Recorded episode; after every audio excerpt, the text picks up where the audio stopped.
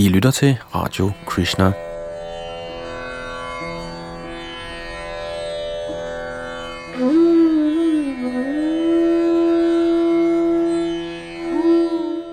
I det kommende vil vi høre et lille uddrag fra et kapitel i Sadaputas bog Gud og videnskaben fra Govardhan Hill Publishing. Kapitlet hedder Mælke Miraklet, som I måske husker for nogle år tilbage.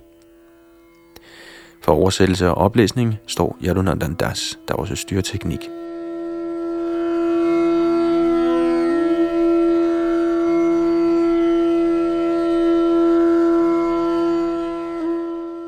Den 21. september 1995 blev hindusamfund over hele verden sat på den anden ende af nyheden om tempelguddomme, der rent bogstaveligt drak de offergaver af mælk, de blev tilbudt. Efter hvad historierne meldte, blev guddomsformerne af Ganesh, Shiva og andre tilbudt skefulde af mælk, og mælken ville på mystisk vis forsvinde. Guddommene viste til synlædende deres overjordiske kraft ved at drikke mælken. Fra Indien forlød det, citat, Birla-templets dørvogter meldte, at mindst 55.000 mennesker besøgte templet, og de serverede guddommene skefulde, der svarer til i alt 125 liter mælk. Citat slut. Og i Amerika, citat, i tusindvis af ærefrygtige tilhængere myldrer ind i hindutempler i Richmond Hill og Oakville for at bevidne det bemærkelsesværdige fænomen af de mælkedrikkende statuer, der har forbløffet religiøse jagttager over hele verden. Citat slut. I et tempel i London, citat, meldes det, at en guddomsform af Ganeshji slugte 3000 pints. Citat slut. Eller det, der svarer til ca. 1400 liter. Uværligt kom der skeptiske kommentarer.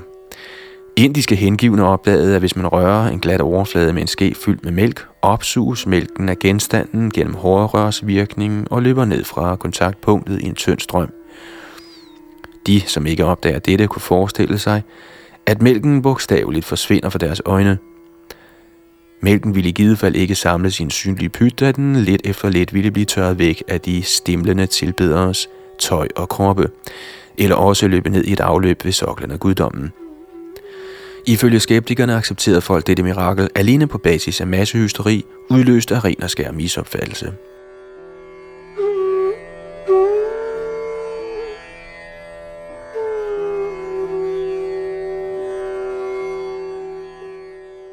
Hvad er sandheden? Med udgangspunkt i nogle få andenhånds meldinger – er det svært at sige, hvad der rent faktisk skete den 21. september 1995, men det er klart, at som social fænomen er mælkemiraklet signifikant. Mirakler og rygter derom har tydeligvis en dyb indvirkning på menneskets tænkning. Et par generelle jagttagelser vedrørende mirakler virker derfor på sin plads.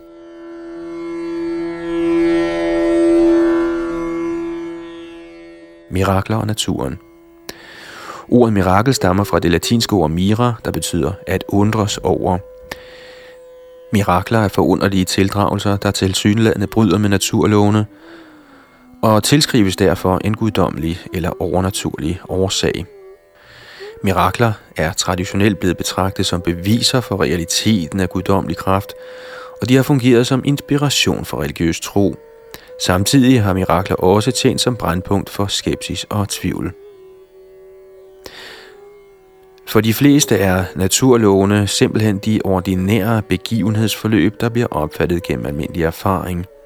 For eksempel bibeholder mælk ifølge almindelig erfaring altid samme mængde og udseende, medmindre den påvirkes af varme, kemiske stoffer eller levende organismer. Man forventer sig afgjort ikke at se mælk forsvinde, når den kommer i kontakt med en sten eller metalstatue. Hvis den rent faktisk forsvinder, antyder dette, at en eller anden højere magt er involveret – man kunne da påkalde religiøse doktriner om Gud og halvguder for at forklare det uventede fænomen. Hændelsen bekræfter doktrinerne. Desværre kan mange påståede mirakler have andre mulige forklaringer. Mennesker er underlagt fire mangler. Vi har begrænset sanser, vi begår fejl, vi kommer under illusion, og vi har en iboende tilbøjelighed til at snyde. Hvis noget usædvanligt sker, kan vores sansers mangler nemt afføde falske meldinger om lignende tildragelser. Lad os for eksempel antage, at mælken faktisk forsvandt, da den blev tilbudt en guddom i et eller andet tempel den 21. september 1995. Som rygtet om dette under spredtes, kunne folk andre steder let bedrages af den hårrørs effekt, skeptikerne senere gjorde opmærksom på. Dette bedrag ville afføde flere historier, og tendensen til snyd ville forlede nogle mennesker til overdrivelse eller direkte løgn. Det endelige resultat er, at ægte mirakler, så frem de rent faktisk forekommer, vil have en tilbøjelighed til at være omgivet af en sky af usande meldinger. De usande meldinger vil i antal være de sande langt overlegne, og således afføde en stemning af skepsis. Da mirakler tit ses som bevis for religiøse doktriner, giver tvivl om miraklerne ophav til tvivl om doktrinerne.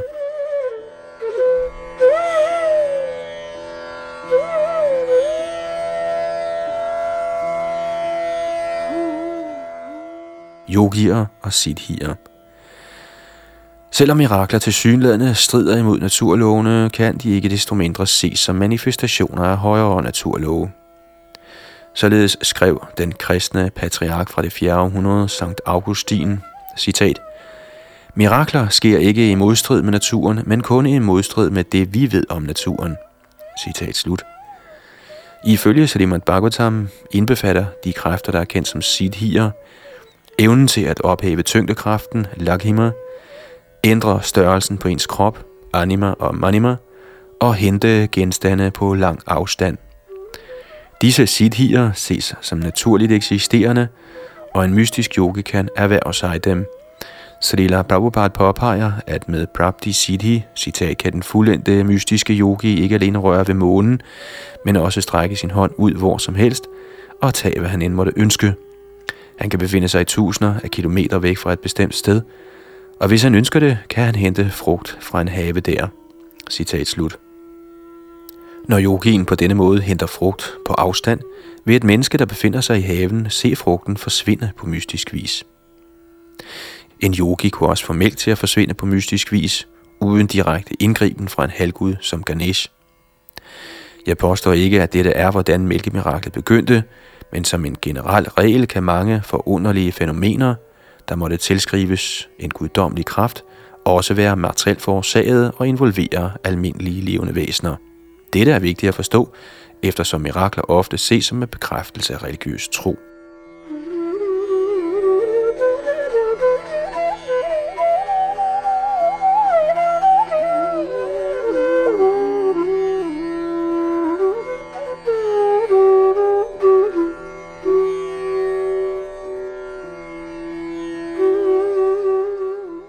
Et stof til eftertanke her udtrykt af Sariputta Das, og det var et uddrag fra Mælkemiraklet, hentet fra hans bog Gud og videnskaben, som kan købes gennem forlaget Govardhan Hill Publishing. Man kan finde mere om Sariputtas bøger med udgangspunkt i vores hjemmeside www.krishna.dk, hvor I kan finde linket til Sariputtas hjemmeside under The Bhaktivedanta Institute. Yadunanda der stod for oversættelse og oplæsning, og han styrede også teknik.